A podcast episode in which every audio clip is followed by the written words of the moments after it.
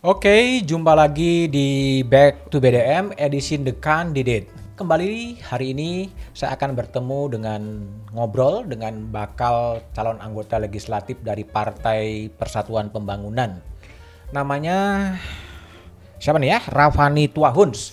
Dia adalah seorang aktivis ya, seorang aktivis Ketua Umum Pelajar Islam Indonesia 2021-2023 yang mungkin belum banyak dikenal oleh kalayak karena tinggalnya dan asalnya agak jauh di Sulawesi Tengah.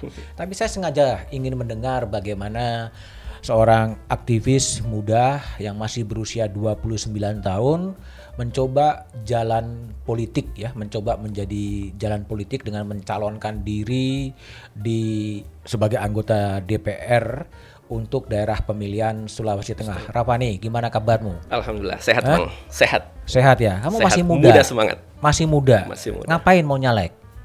Uh, catatannya panjang bang. Ah, gimana coba panjang? Uh, kalau mau disingkat sebenarnya kenapa mau nyalek? Ini melanjutkan jalan keberpihakan. Hmm. Karena startnya dari aktivis, 2008 di training dan training di PI. PI okay. di Banggai Kepulauan. Di Banggai Kepulauan. 2008 kemudian perjalanan karir organisasi dari bawah sangat dari bawah. Dari bawah ya. Karena 2008 di training, 2009 itu jadi ketua komisariat. Hmm. Berbasis SMA, hmm. berbasis kecamatan. Hmm. Tahun berikutnya diamanahi lagi jadi ketua daerah PI Kabupaten Banggai Kepulauan. Oke. Okay. Kemudian 2011 hijrah ke Palu, kuliah S1 di Palu di Fakultas Hukum. Di Fakultas Uni Hukum Tadulako. Ya, okay. Universitas Tadulako. 2017 ke 19 jadi ketua wilayah hmm. PI Sulawesi Tengah. Oke. Okay. Kemudian uh, setahun berikutnya Muktamar di Jakarta 2021. Hmm dan diamanahi jadi ketua umum ketua PB umum PI, PB PI Pelajar Islam Indonesia. Pelajar Islam okay. Indonesia. Nah, dari perjalanan panjang apa di organisasi gerakan ini yang PI ini konsen di pendidikan dan kebudayaan. Nah, saya karena berasal dari daerah timur, kemudian konsen di dunia pendidikan lewat organisasi gerakan ini, melihat kondisi pendidikan di Indonesia yang ya 78 tahun Indonesia merdeka masih sangat memprihatinkan. Hmm.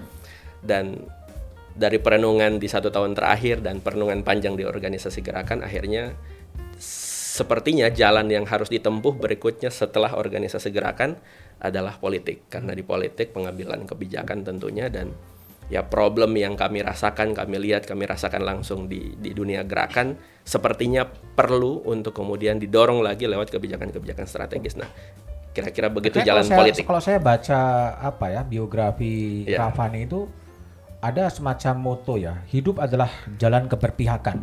Betul. Ini apa? Makna makna lebih elaboratif dari yeah. hid, apa hidup adalah jalan keberpihakan. Ini keberpihakan pada apa tentu keber, keberpihakan terhadap warga keberpihakan terhadap rakyat. Selain tadi saya sampaikan saya lahir dan tumbuh besar di organisasi gerakan yang fokus ke pendidikan memang kami berasal dari Banggai Kepulauan yang hmm. jauh dari sentral perkotaan, hmm. keterbatasan akses pendidikan, hmm. keterbatasan akses kesehatan dan berbagai hmm. akses jauh. Hmm. Uh, dulu masih SD kami uh, apa, sekolah saja sulit beli seragam, pergi ke sekolah ya harus jalan kaki. Kemudian orang tua juga harus apa berhutang untuk membelikan buku, membelikan seragam. Dan bukan hanya kami, di sekitaran kami juga banyak teman-teman yang ya kondisinya masih jauh dari dari harapan padahal Indonesia ini kaya, Indonesia ini besar. Hmm.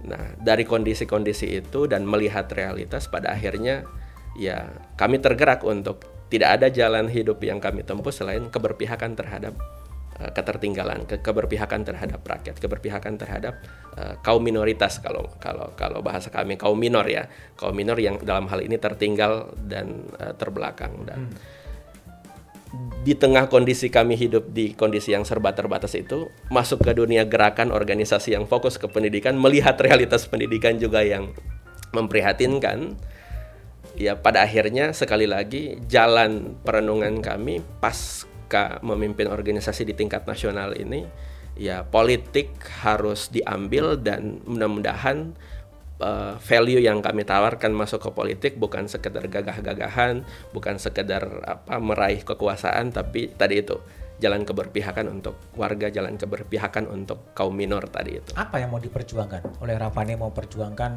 untuk apa ketertinggalan atau untuk eh, ketidakadilan? Iya. Ada menyebut eh, kelompok-kelompok yang minor. Apa Iya. yang mau diperjuangkan dengan menjadi eh, anggota DPR? Ya, tentu hak-hak dasar yang yang selama ini sudah dijamin sebenarnya sama konstitusi. Para founding fathers sudah merumuskan konstitusi undang-undang dasar itu dengan memasukkan hak-hak dasar warga negara. Di 78 tahun Indonesia merdeka ini kan masih banyak hak-hak dasar itu yang yang belum selesai, belum clear. Nah, salah satunya hak dasar pendidikan saja. Hak dasar tentang pendidikan sebagaimana yang di- tertuang di pasal 31 itu Undang-Undang Dasar. Ya setiap warga negara berhak mendapatkan pendidikan. Dan di pasal 2-nya negara wajib uh, membiayai di uh, apa uh, wajib belajar 9 tahun itu. Nah, sementara angka putus sekolah masih banyak. Teman-teman di di daerah, di pelosok, di pedalaman yang yang apa punya cita-cita tinggi untuk sekolah, punya cita-cita besar untuk menjadi orang, tapi kemudian segala keterbatasan itu eh, ada dan pada akhirnya ya ya apa masih sangat terbatas, masih sangat sulit. Dan kami yakin dan percaya hanya dengan jalan kebijakan ya, hanya dengan jalan kebi- kebijakan pemerataan pendidikan, pemerataan eh, akses yang selama ini masih sulit terjangkau oleh kelompok minor di pedesaan, di pedalaman, di di, di pulau itu saya kira eh, bagian yang harus ditempuh dan kira-kira begitu. Ini konsepnya semacam education for all ya? Pendidikan untuk semuanya. Ya, kira-kira begitu. Apa sih yang Anda mau kritik dengan pendidikan? Toh anggaran pendidikan kita baik konstitusi sudah Ya, 20% sebetulnya. betul. Yang yang salah apa sampai kemudian akses pendidikan bagi orang apa eh, penduduk di daerah eh, terpinggir Betul, bahkan di Jawa betul. pun mungkin masih ada sebetulnya. Masih masih banyak Apa juga. yang salah? Nah, saya kira problem pendidikan sangat kompleks, Bang. Sangat kompleks. Dan di tiga tahun terakhir setelah jadi ketua umum PBPI, eh, sangat konsen mengkaji eh, isu-isu pendidikan, problem-problem pendidikan, dan eh, kompleksitas problem di di pendidikan ini sangat banyak mulai dari ya kita dengar istilah ganti menteri ganti kurikulum. Oke. Akhirnya belum tuntas kurikulum satu dijalankan selama lima tahun, eh, menterinya ganti, ya berubah lagi konsentrasi. Nah, belum lagi eh, akses sama infrastruktur tadi yang saya sudah ulas sejak awal. Nah, belum lagi problem guru. Nah, problem guru ini juga besar. Problem guru yang kami soroti kemarin di di saat kami memimpin PBPI eh, apa ada inisiatif dari eh, pemerintah dalam hal ini Mendikbud mengusulkan RUU Sis- Sisdiknas kemarin tuh. Nah, tapi ternyata setelah kita dalami, kita kaji eh, masih banyak hal-hal yang kurang di dalamnya, di antaranya terbuka peluang komersialisasi pendidikan. Nah, harusnya ini kan eh, kita dorong untuk pendidikan bisa gratis dan merata untuk semua. Pendidikan gratis sampai ke mana? Tentu harusnya sampai selesai S1 Sampai S1. sampai S1 karena teman-teman di daerah saya berkunjung ke daerah-daerah eh, memotivasi kita kan di training-training P itu memotivasi untuk adik-adik kita ini untuk belajar untuk semangat eh, sekolah. Tapi setelah ketemu mereka ya saya tanya setelah SMA eh, mau mau mau lanjut ke mana? Ya mau kuliah tapi tidak ada duit tidak ada Oke, uang tapi serba gini, terbatas Rahmani, itu kan kembali lagi ya, kalau baik konstitusi, ya. 20% dari anggaran belanja negara, betul. kan memang itu harus didedikasikan untuk pendidikan. ya Tetapi de faktanya, kemudian IQ orang Indonesia itu Hmm. masih eh, 78, koma sekian, masih sangat-sangat rendah ya. Hmm. Eh, nomor 90 di antara 130 negara yang disurvei gitu. Hmm. Nah, Anda yang ingin memperjuangkan eh, pendidikan, Hmm. sebetulnya apa yang yang salah dengan sistem pendidikan yang yang yang yang ada sekarang selain ganti Oke. menteri, ganti kebijakan itu? Ya, Em, hal yang fundamental di pendidikan ini kan sebenarnya selain infrastruktur harus harus apa harus memadai, eh, bagaimana guru juga menjadi titik sentral perbaikan pendidikan. Nah, kalau li- kalau di kota mungkin ya, Mas, eh, apa guru serba serba ada, serba bagus kualitasnya. Tapi di pelosok, di da- pedalaman, di daerah 3T, ini problem guru menjadi menjadi soal. Nah, makanya saya sampaikan tadi Mas, apa kompleks sekali, sangat-sangat kompleks ini problem pendidikan, mulai dari infrastruktur sampai kualitas guru, ketersediaan guru.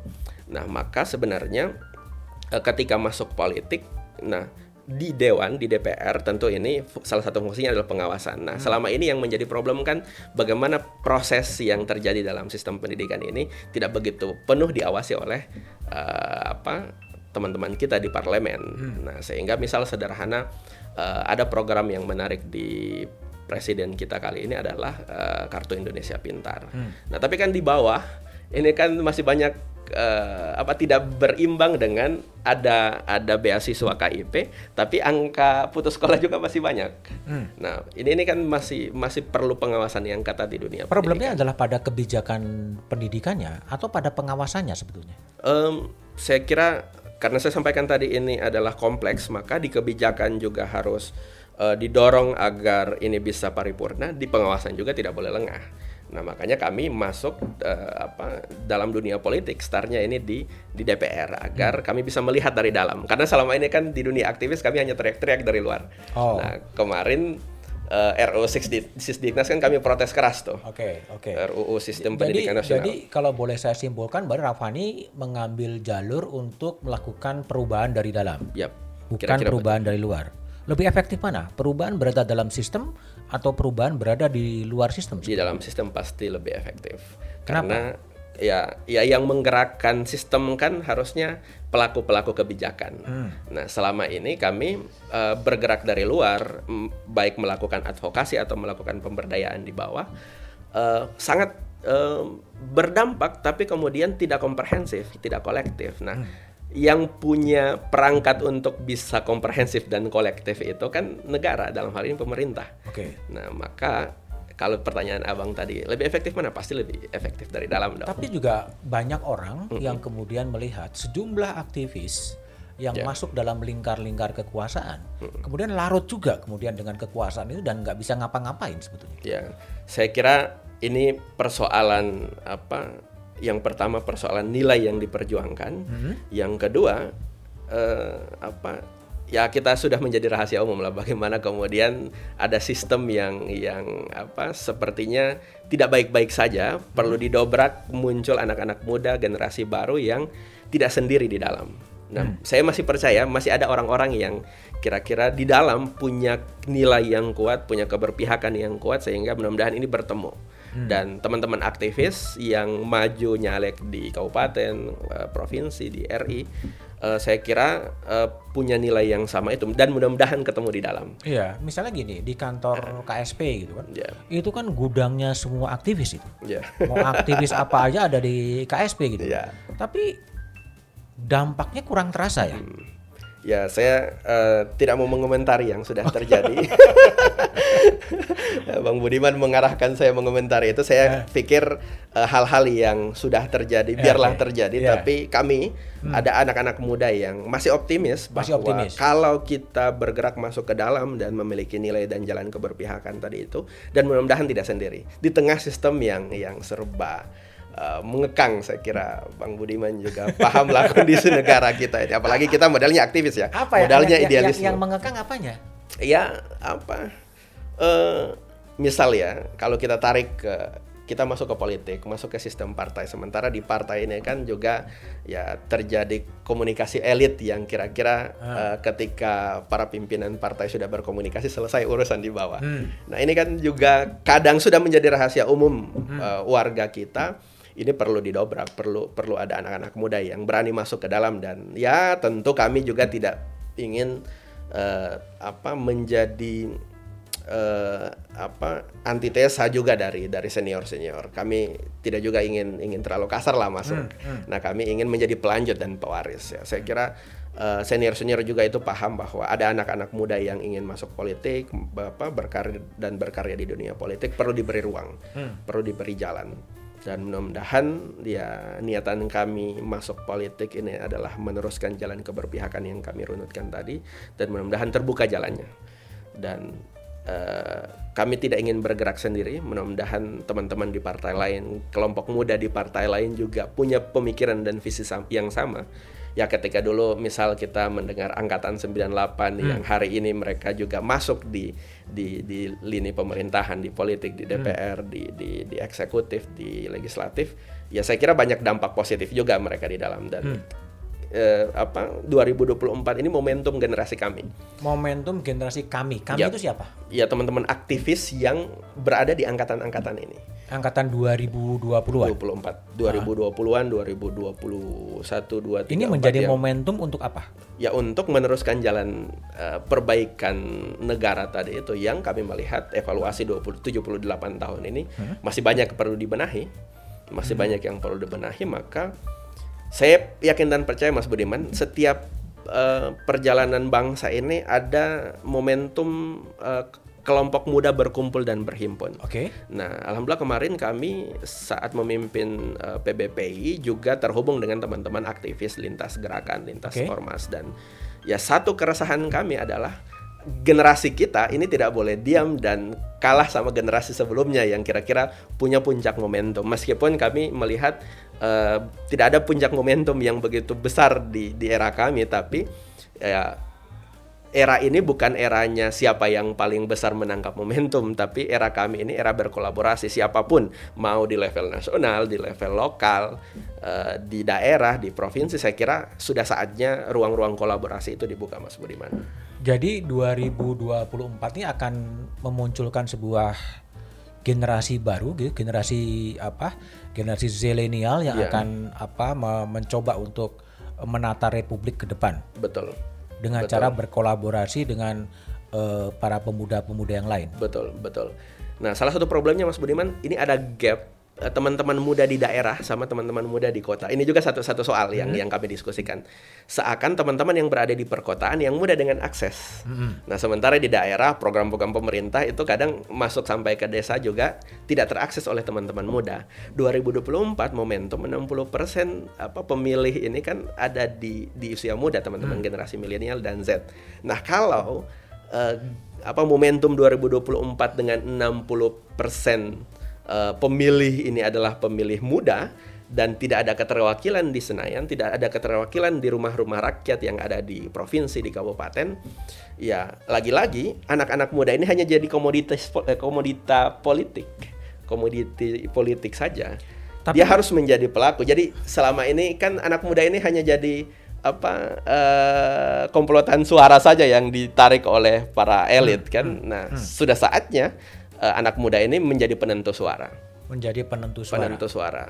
Oke, tapi Maka- apa yang mau ditawarkan oleh zilenial? Apa? Saya kira banyak. Saya kira Misalnya banyak. apa yang Saya ya, kira banyak. Kalau kalau- kami kan konsen di di, di isu pendidikan, Oke. tapi teman-teman muda banyak yang kira-kira hari ini perlu menjadi konsentrasi. Salah satunya adalah eh, angka pengangguran yang sangat tinggi. Nah, dan angka pengangguran ini kan di kelompok muda problemnya. Hmm. Nah, maka harus ada kelompok muda yang mena- yang masuk ke dunia politik dan menyelesaikan problem anak muda. Salah satunya apa urusan urusan pengangguran tadi itu dengan misal memperbanyak eh, mendinamisasi atau memperbanyak eh, UMKM untuk keterbukaan lap- lapangan kerja.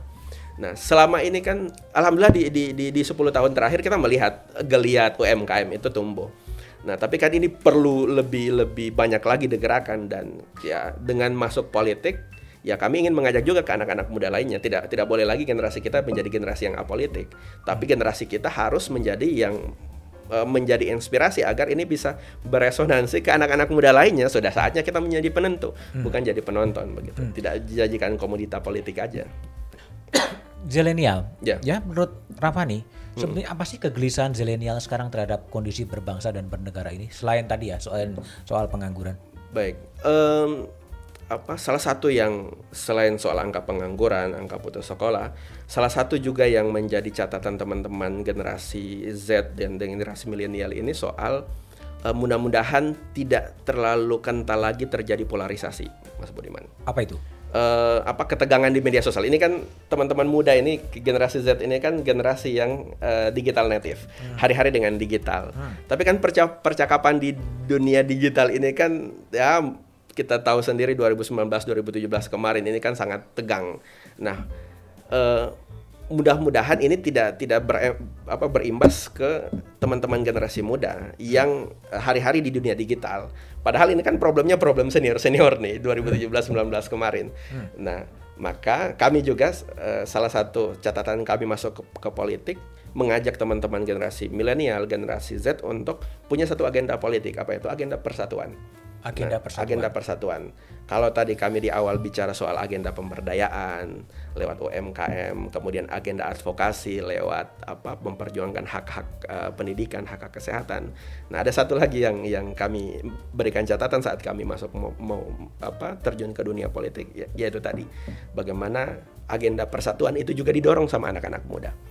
Kenapa eh, persatuan menjadi concern dari zilenial? Em, saya kira apa teman-teman generasi Z ini tidak mau ribut, tidak mau ter- terlalu banyak ribut dengan urusan-urusan senior yang eh, apa menurut kami eh, di elit kita ini kan 17-19 kemarin kan terlalu kental gesekannya. Dan itu di media sosial kalau mau di eh, tracking apa terjadi perdebatan-perdebatan yang tajam juga. Nah Nah, eh, ketika kami kami dialog dengan teman-teman muda di daerah ya kemarin be- beberapa bulan terakhir kami turun, eh, se- apa tidak mau lagi ribut dengan urusan-urusan yang eh, elit lah kira-kira begitu. Nah teman-teman muda ini mau berkolaborasi kalau bahasa anak muda sekarang mah berkolaborasi. Anak-anak muda ini kan mau berkolaborasi dengan dengan dunia yang serba digital ini, mau berkolaborasi menghasilkan karya, menghasilkan sesuatu baik di bidang ekonomi maupun di gerakan-gerakan sosial. Nah teman-teman muda saya lihat tidak mau ribet dengan dengan yang terjadi di elit, tapi kemudian mereka ini harus jadi penentu tidak boleh kemudian jadi penonton kemudian jadi apa dampak atau efek dari keterbelahan yang eh, sebelum-sebelumnya terjadi. Sehingga eh, kami kembali tadi bahwa salah satu agenda yang kami bawa adalah agenda politik persatuan tadi itu. Dengan bahasa yang lebih keren di generasi Z sekarang adalah kolaborasi. Sehingga kami konsen pada substansi tidak kemudian eh, ikut-ikut terbelah dari sebelum-sebelumnya. Kira-kira begitu. Bisa nggak dielaborasi lebih jauh? Kenapa di era zilenial ini persatuan dan bangsa ini menjadi salah satu sumber keresahan? Ya, em, apa keterbukaan informasi dan dunia digital yang serba terbuka ini ini kan eh, apa mem- ruang-ruang negara ini kan mudah ditembus, Mas Budiman. Eh, bahkan dinding-dinding rumah dan dinding-dinding kamar anak-anak kita hari ini kan mudah ditembus dengan informasi dari luar. Oke. Nah, sehingga ini mengancam ini juga jadi ancaman ideologi, Bang Ancaman ideologi. ancaman ideologi. Oke. Kalau kemudian ini tidak punya filter, tidak dibatasi dan tidak tidak mendapat insight yang positif dari kelompok kita, kelompok muda, ya ini bisa jadi ancaman ke depan. Apalagi fenomena bonus demografi hari ini yang kemudian eh, jumlah anak muda lebih jauh lebih besar. Nah, kalau potensi ini kemudian jumlah yang besar tidak dikuatkan, tidak dipersatukan, tidak dikolaborasikan ini ini jadi ancaman bukan jadi bukan jadi potensi, bukan jadi apa modal yang besar untuk keberlangsungan bangsa. Nah, kita kan ini mengejar ada momentum 100 tahun Indonesia di depan. Generasi kita, generasi yang usia 20 sampai 30 hari ini, itu di 2045 generasi kita ini usia 40 50. Ini Iya. usia memimpin. Nah, sementara dengan bonus demografi yang jumlah kita besar, 2024 momentumnya pemilu, kalau kemudian generasi kita ini tidak berbenah, generasi kita tidak menyiapkan diri, generasi kita ini tidak berkolaborasi, nah ini bukan jadi potensi, ini jadi ancaman untuk 100 tahun Indonesia. Kolaborasi. Apa sih persis yang dibayangkan oleh Rafani soal kolaborasi eh, di kalangan zilenial ini? Ya, Em, itu juga problem bang. Di daerah ketika kami turun, teman-teman komunitas di daerah ini kan hari ini teman-teman generasi Z ini eh, lebih suka berkomunitas, lebih suka berkomunitas dan eh, pelan-pelan mulai terjaring kolaborasi kolaborasi di daerah. Misalnya, Eh, buat program eh, event bersama, Oke. eh, kolaborasi UMKM, buat eh, apa agenda-agenda festival yang kemudian itu menumbuhkan UMKM masing-masing. Ada yang sablon kaos, ada yang eh, jualan es, jualan minuman, ada yang jualan buku dan lain sebagainya. Ini kan eh, apa selama ini eh, teman-teman pelan-pelan berkolaborasi, tapi kan sebesar apa pun kolaborasi yang dilakukan anak muda kalau tidak disentuh dengan government, tidak disentuh dengan uh, pemerintah, tidak disentuh dengan politik, ini juga tidak dampaknya mungkin baik tapi dampaknya tidak akan jauh lebih lompatannya tidak bisa begitu luas. Nah, maka kami mencerahkan teman-teman di bawah bahwa tidak boleh apa eh, trust kita terhadap pemerintah harus kuat, trust kita terhadap politik harus kuat. Karena kita berkolaborasi sekuat apa pun, kalau hanya satu dua tiga empat komunitas berkolaborasi susah juga. Butuh dorongan government, butuh do dorongan pemerintah, butuh dorongan politik. Nah, dan alhamdulillah pelan-pelan teman-teman tersadarkan. Dan kami saat turun beberapa bulan terakhir, eh, suara-suara itu muncul bahwa Rafani uh, sudah saatnya kita punya keterwakilan. Apa pun hasilnya 2024, ya generasi kita harus menyuarakan bahwa ada generasi optimis di 2024 yang siap menyiapkan komunitasnya, menyiapkan kelompoknya untuk bersiap uh, menyambut kepemimpinan uh, bangsa di 2045 itu. Oke, kalau Rafani lihat, ya, uh, ada generasi muda masih 29 tahun berasal dari Banggai Kepulauan yeah. ya cukup jauh. Banggai Kepulauan itu dari Jakarta harus ke Makassar dari Makassar ke Lubuk tuh kemudian naik kapal. Empat jam. empat jam ya. Karena saya pernah ke sana pernah ke sana ya. Uh, apa sih sebetulnya dalam perspektif anda sebagai yeah. orang uh, Banggai gitu? Yeah. ancaman negara ini sebetulnya apa sih? Um, atau masalah bangsa ini sebetulnya apa sih kalau uh, mau dirunut ini kan kompleks problem bangsa ini hmm. bang kompleks tapi kalau kita mau gali lebih dalam harusnya yang perlu diselamatkan adalah generasinya bang hmm. nah uh, saya kira kalau kita mau bedah panjang problem bangsa okay. ini kalau menurut panjang. anda yang paling menjadi hmm. akar dari segala akar masalah bangsa ini hmm. sebetulnya apa ya uh, potensi perpecahan yang tadi kami potensi sampaikan. Potensi perpecahan. Iya, potensi perpecahan. Saya kira kalau kita ini kan banyak problemnya ya. Hmm. Tapi kalau tidak menyatu, tidak bersatu, kemudian setiap lima tahunan gontok-gontokan dan terjadi keterbelahan, ya okay. mau problem sebesar apa pun tidak tidak tidak akan bisa diselesaikan. Problem sekecil apa pun juga tidak bisa diselesaikan. Maka uh, kami anak Banggai yang melihat satu ketertinggalan tadi itu melihat segala keterbatasan ketertinggalan yang dekat dengan mata kami di di daerah di desa di pelosok di pulau dan yang kedua ketika masuk di Jakarta kami melihat ada ancaman keterbelahan tadi itu nah dua ini kan kalau ketertinggalan keterbatasan ini kan eh, apa lanjutannya adalah pembangunan. Hmm. Tapi kalau pembangunannya setiap government, setiap pemerintahan lima tahun ganti pemerintahan, kemudian problem perpecahan ini tidak tidak tidak disatukan, ini ini ini bahaya. Ini kemudian tidak akan menyelesaikan problem pembangunan tadi itu. Kalau boleh saya simpulkan bahwa yang pertama masalah bangsa ini adalah ada ancaman perpecahan, yeah. dan yang kedua adalah uh, ancaman soal keadilan keadilan antara barat dan timur, yeah. keadilan antara Kota termasuk yang di Trasing itu menjadi sebuah ancaman. Yeah. Dan itu kemudian juga tidak ada jaminan kesinambungan dalam pembangunan. Betul, betul, betul. Makanya kata kunci anak muda sudah tepat, kolaborasi. Kolaborasi. Tidak boleh lagi ada keterbelahan, tidak boleh lagi ada polarisasi. Ya kita sudah sudah enak lah dengan isu-isu yang dimainkan selama ini uh, keterbelahan kiri kanan, depan belakang. Ya, kita mah anak-anak muda ini mau pengen pada substansi. Bagaimana uh, anak-anak yang menganggur, anak-anak yang putus sekolah, anak-anak yang masih sulit dan keterbatasan akses di daerah-daerah ini ini bisa bisa bisa setara dengan anak-anak lain begitu.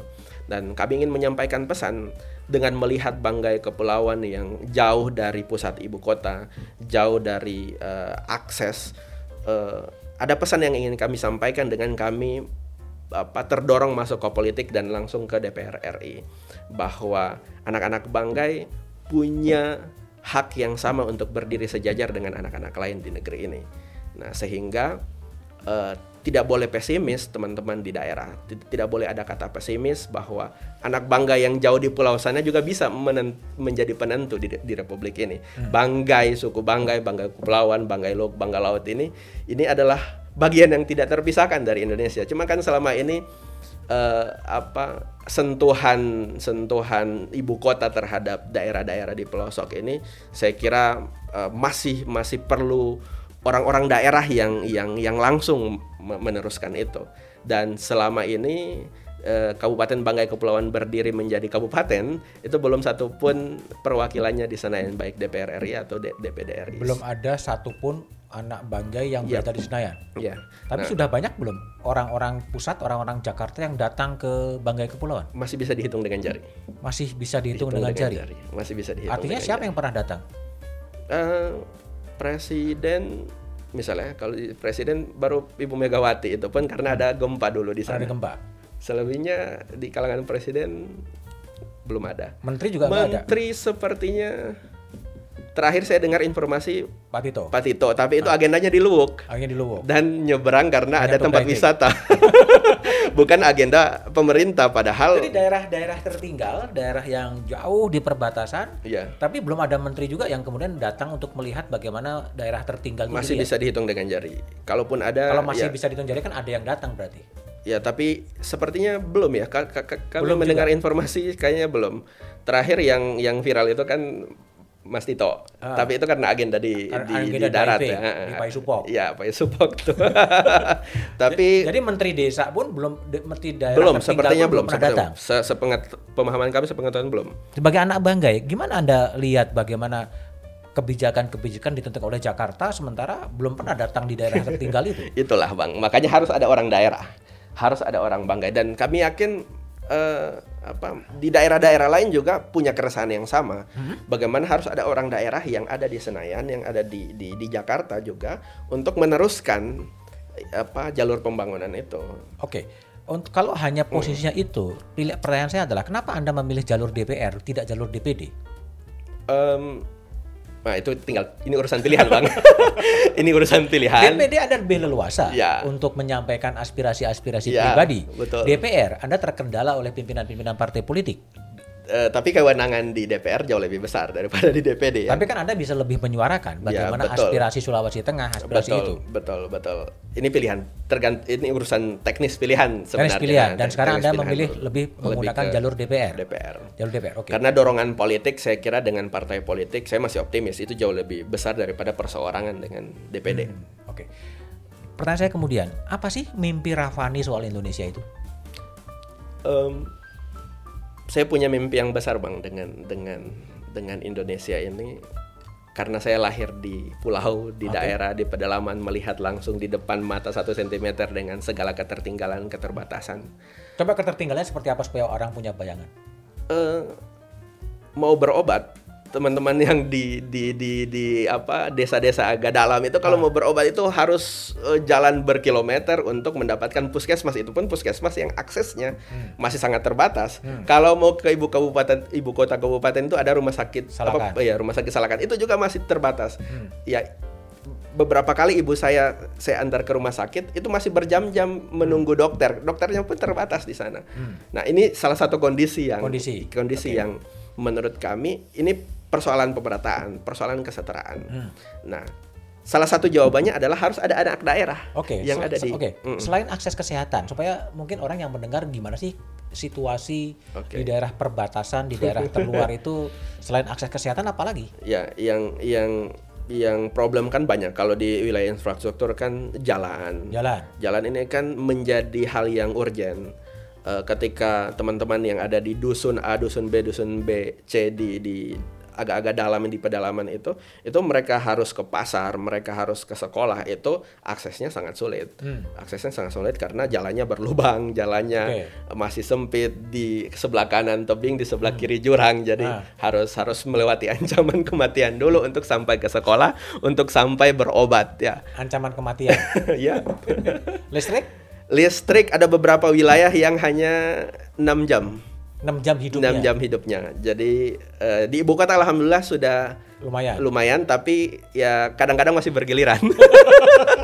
Jadi eh, dalam satu minggu ada satu hari mati nyala eh, padam lagi nyala begitu. Oke. Nah di beberapa daerah di bagian selatan itu eh, hanya 6 jam, jam Hmm. 6 sore nyala, jam 12 ma- padam.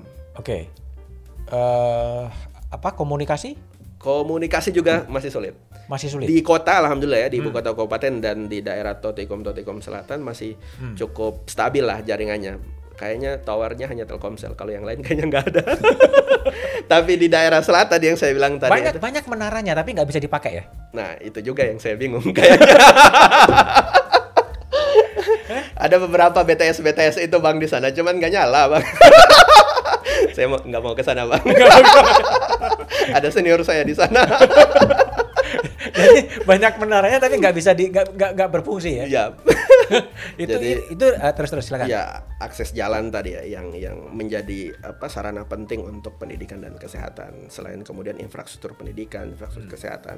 Tadi juga kita sudah ulas ur- urusan apa namanya eh, komunikasi. Oke. Ada towernya tapi tidak ada jaringannya. Hmm.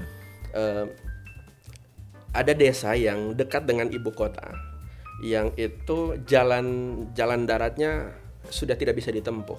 Ah. Nah akhirnya di, des- di, di satu dusun sebenarnya dusun itu eh, apa kalau mau ke sekolah harus menyeberang menyeberang eh, pakai perahu kecil Ah. dan hari-hari eh, si anak ini menyeberang dan ya itu tadi kalau lautnya teduh alhamdulillah. Tapi kalau lautnya kencang nah dia lagi-lagi dia harus berhadapan dengan ancaman kematian tadi itu. Sekolah pun menghadapi ancaman kematian. sekolah pun ancaman kematian. Makanya eh, dengan segala keterbatasan-keterbatasan itu lagi-lagi ya itu tadi kami anak Banggai punya apa ya punya mimpi yang besar terhadap Indonesia ini.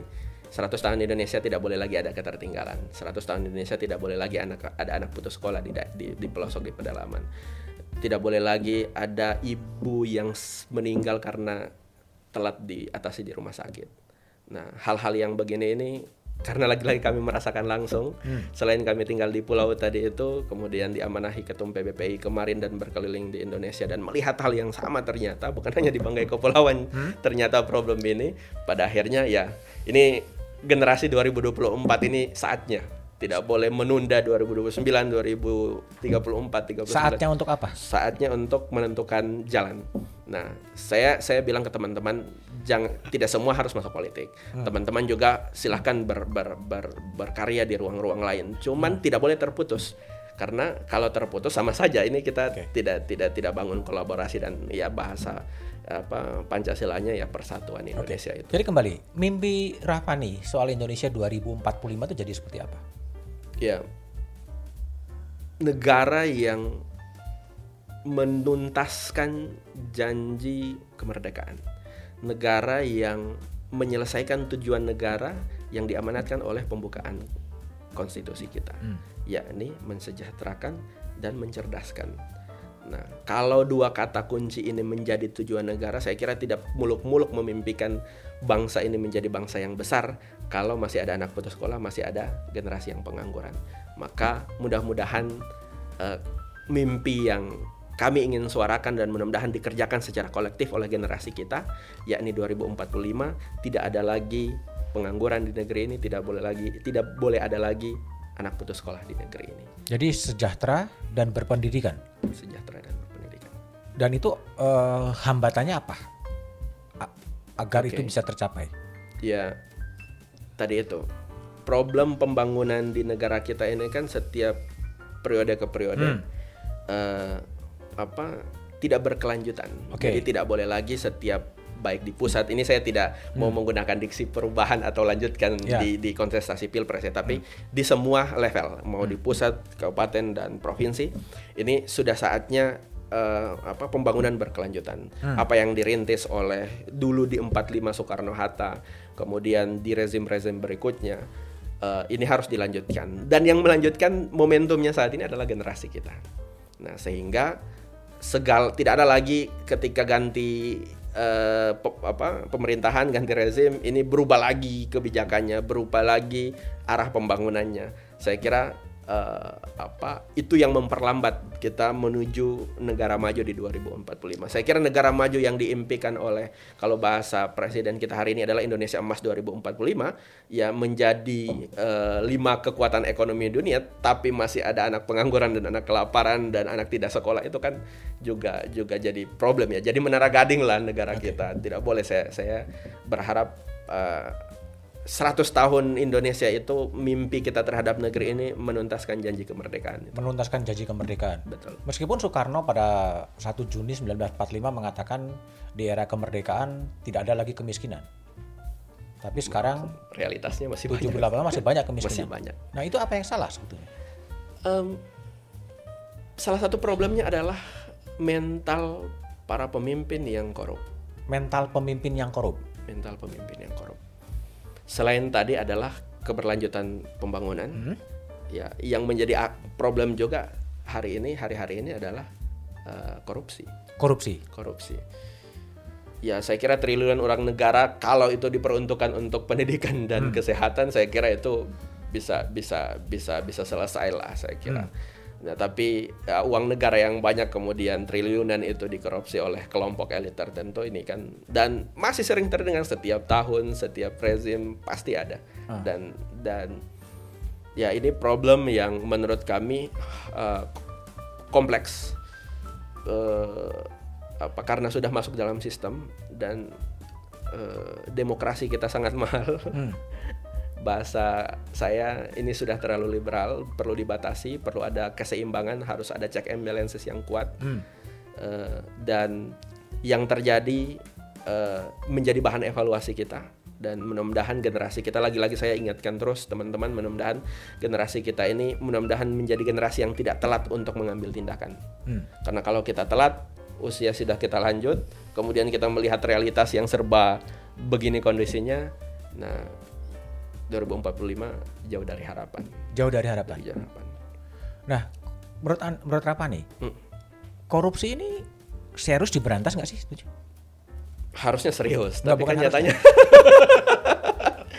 nyatanya ini kan wah jadi jadi apa ya? Jadi apa benang kusut yang basah ini bang. Sulit ditarik. benang kusut yang basah. Sulit ditarik okay. ujungnya di mana? Anda punya punya pikiran yang mungkin out of the box soal bagaimana korupsi mau diberantas?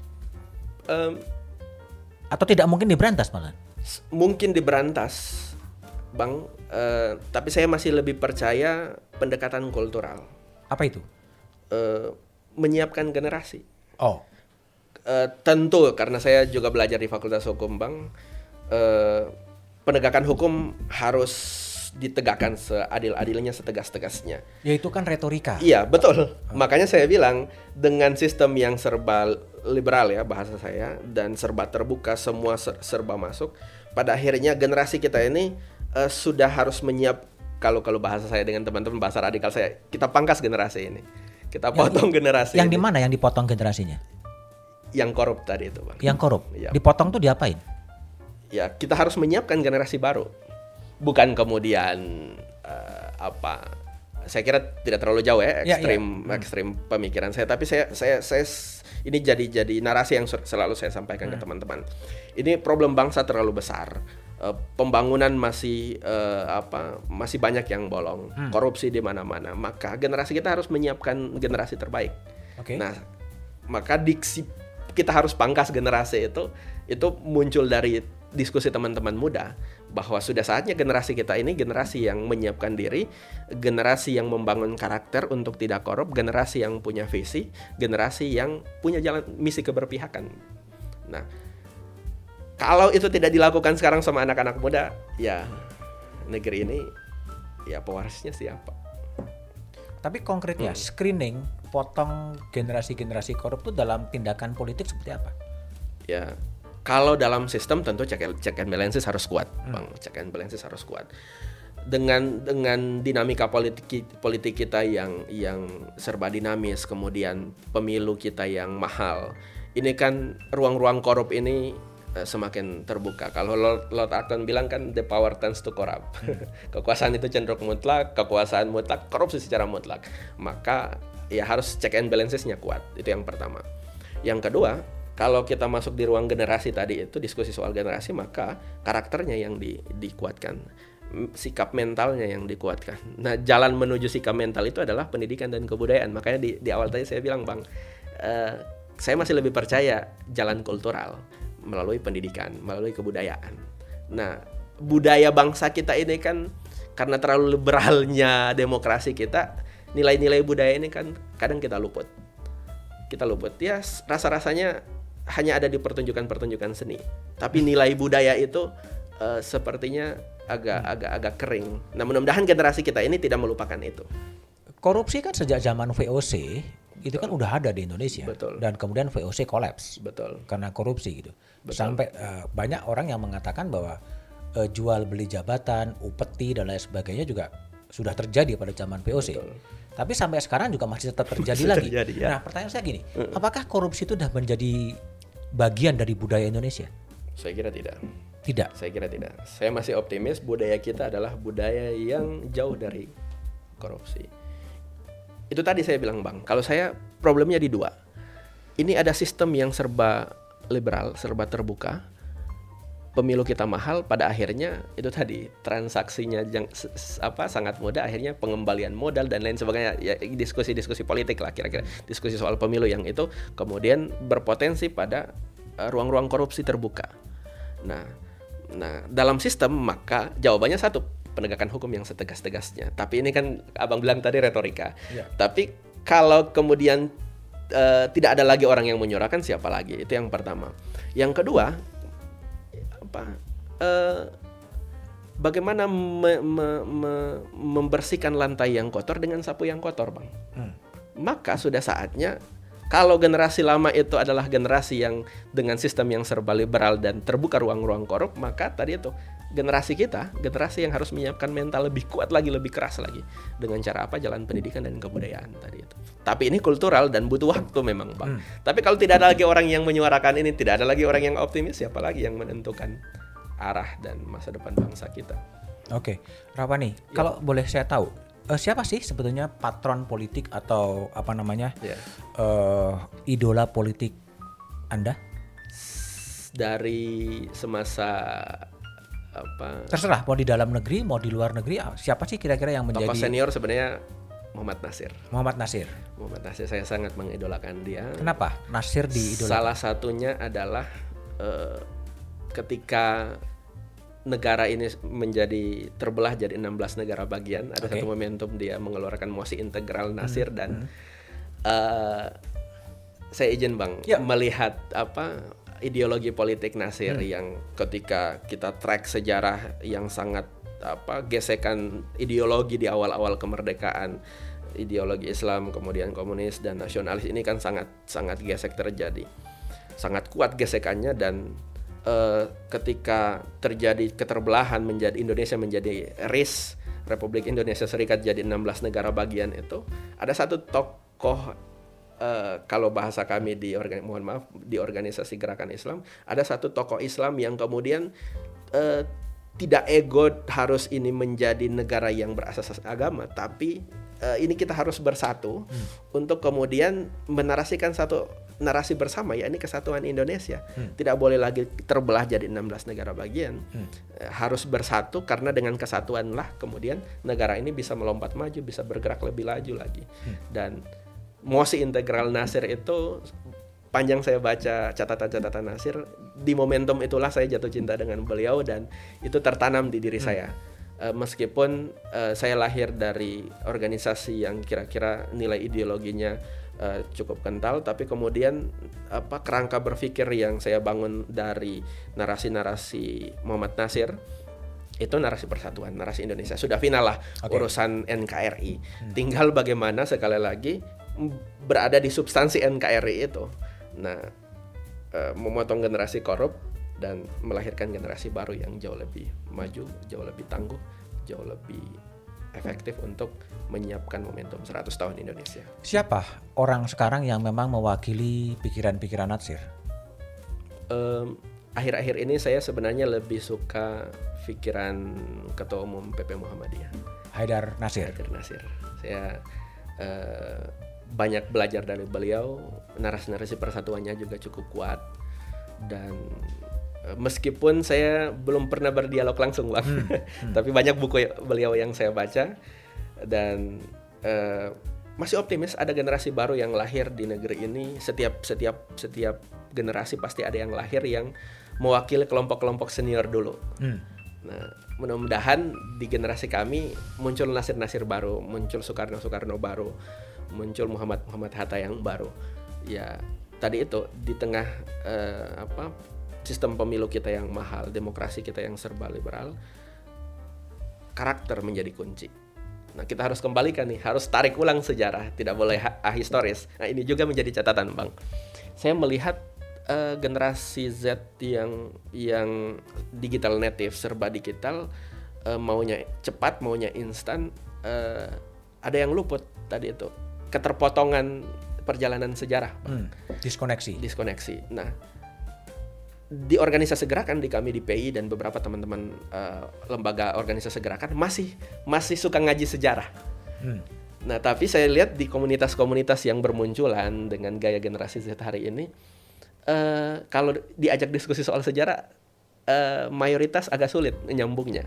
Karena nggak baca. Ya, bacanya uh, sepertinya kurang kuat. Literasinya hmm. saya kira kurang kuat. Nah, hmm. sehingga ini satu yang saya, saya yang salah satu yang saya dorong dalam agenda politik pemberdayaan ke teman-teman di daerah. Saya bilang saya masuk politik ini jangan lihat 2024 kita menang atau kalah. Tapi kita mau buat kelompok baru yang optimis untuk lakukan agenda-agenda pemberdayaan. Problem salah satunya tadi urusan misal diskoneksi sejarah tadi itu A, A historis.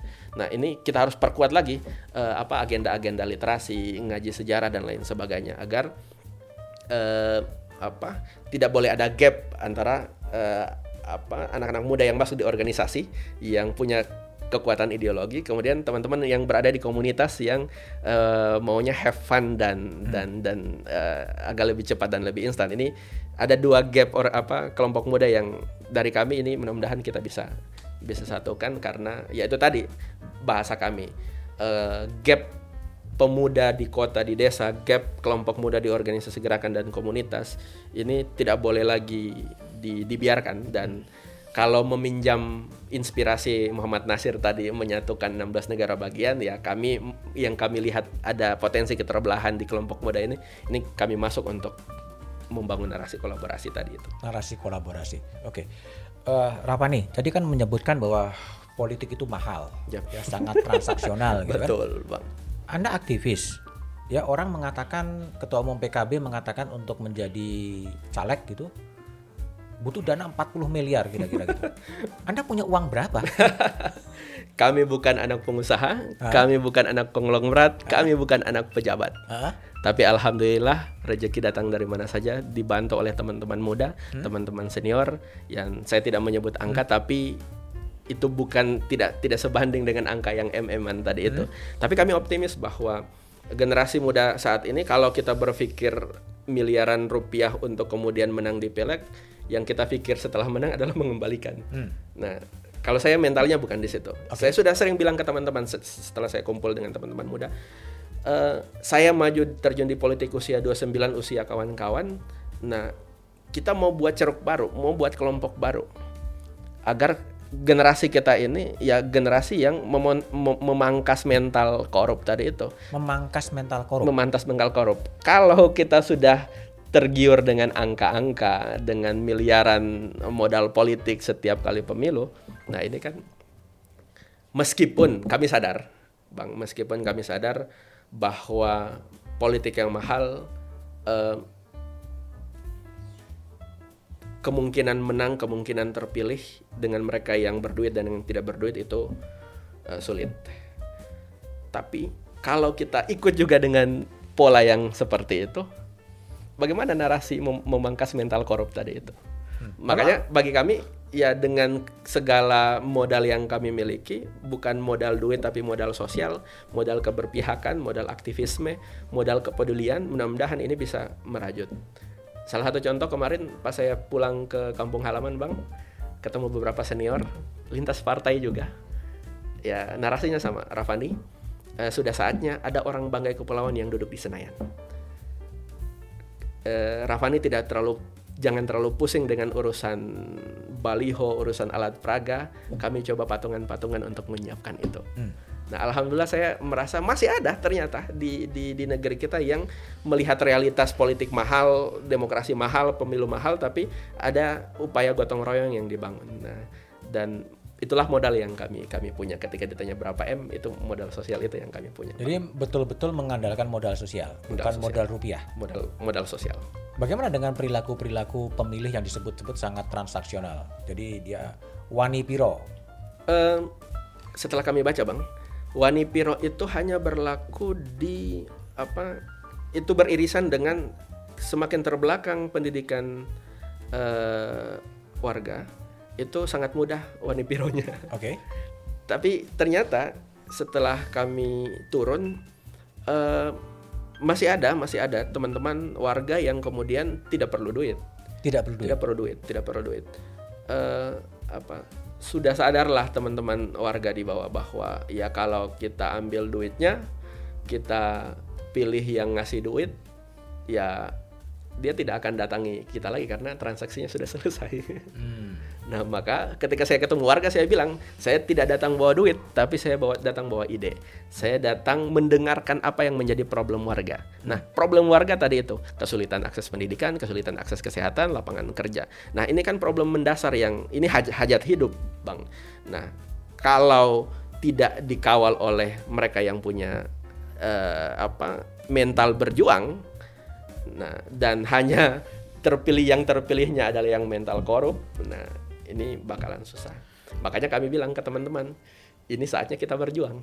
Mau berdarah-darah, mau duitnya sedikit, tapi insya Allah dengan perjuangan kita, kita mewarisi apa yang diperjuangkan oleh para pendahulu kita, membangun republik ini, bukan korup dari kekayaan negeri ini. Jadi betul-betul me, apa menghilangkan politik uang yang selama ini terjadi. Mudah-mudahan, mudah-mudahan, mudah-mudahan uh, semakin semakin mengecil potensi kelompok apa politik uang kalau ada kelompok yang memainkan peran untuk tidak politik uang. Dan sekarang uh, modal sosial itulah yang diperankan oleh Rapani. Betul, mudah-mudahan.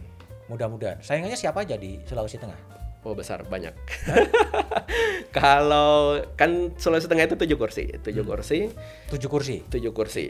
Oke okay, dan. P 3 P 3 non seat, nggak ada kursi. Non seat. Non seat. Nah sehingga memang pertarungannya agak butuh energi ekstra ini, butuh energi ekstra karena lawan-lawannya cukup besar-besar. Mereka yang punya kekuasaan dan punya tambang lah istilahnya. Punya kekuasaan, punya tambang dilawan oleh seorang aktivis. Seorang aktivis. Gimana Anda Anda mensiasati pertarungan di dapil yang uh, hanya memperebutkan tujuh kursi sementara lawan Anda adalah yang punya tambang, pemain tambang, punya kekuasaan. Anda nggak modal apa-apa. modal keyakinan dan jalan keberpihakan. Kami yakin kami bilang ke teman-teman, kalau kita tidak berhadapan dengan yang besar-besar ini, bagaimana kita disebut sebagai pejuang muda. Hmm. Nah, maka kita harus harus harus menyiapkan mental memang. Dan uh, modal sosial yang kami bangun ini sudah cukup lama, Bang, 2011 alhamdulillah okay. sampai sekarang 2023 10 tahun lebih dan berjejaring di semua kabupaten di 13 kabupaten kota. Sehingga teman-teman di jejaring kami di 13 kabupaten kota ini sekarang sudah sementara bekerja. Hmm. Bekerja mensosialisasikan ada anak muda yang bukan anak konglomerat, bukan anak pejabat, tapi membawa narasi untuk perbaikan masyarakat. Hmm.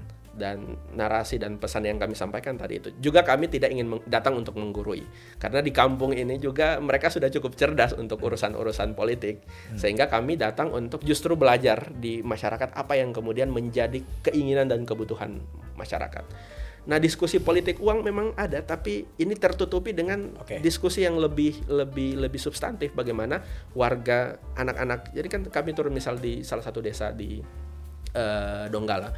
Saya tanya uh, ke beberapa 20 30 orang ngumpul warga. Saya tanya uh, apa yang menjadi keresahan Bapak Ibu semua. Uh, jawabannya kami tidak minta apa-apa Rafani, kami sudah muak dengan caleg-caleg yang datang bawa sembako. Hmm. Kami cuma butuh anak-anak kami bisa sekolah. Uh, adakah kamu itu yang sudah S1? Dia bilang itu ada saudaramu yang S1 tapi pulang kampung sulit dapat pekerjaan. Karena itu tadi ketersediaan lapangan Tapi kan kerja. posisi Anda sebagai caleg legislatif, yep. Yep. itu kebutuhan-kebutuhan sekolah dalamnya kan lebih lebih efektif kalau berada di eksekutif sebetulnya. Betul, betul lagi-lagi itu pilihan pilihan jalan dan ya bisa jadi 2024 di eksekutif di legislatif hmm. 2009 2034 ini jalan berikutnya di eksekutif tapi yang kami bayangkan bang harus ada narasi uh, anak muda membawa agen agenda perbaikan itu harus ada kalau tidak ada siapa lagi? Dan karena politik di Indonesia ini, apa khususnya Sulawesi Tengah ya, orang sudah jenuh dengan kalau ada caleg DPR RI yang datang berapa duitnya yang masuk. Hmm. Nah itu kan jadi mental.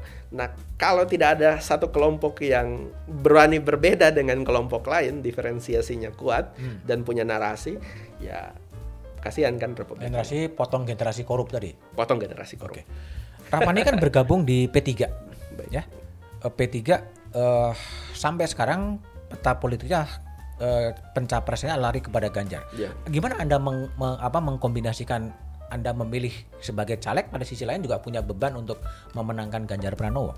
Ya, em, sampai saat ini terakhir kemarin kita rakernas saya masuk juga di saya partai Angkatan Muda Ka'bah, bang.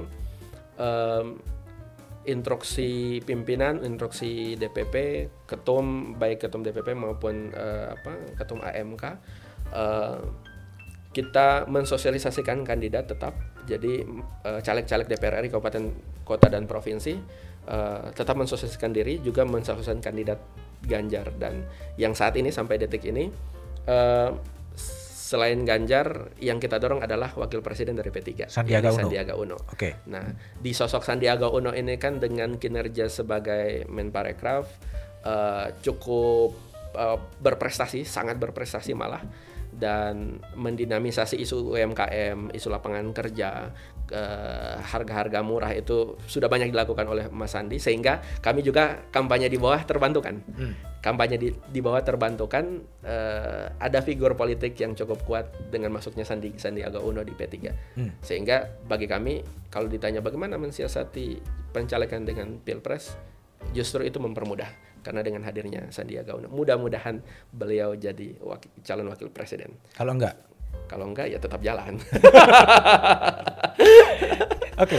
Apa sih eh, satu kata Rafani ini terhadap Ganjar Pranowo?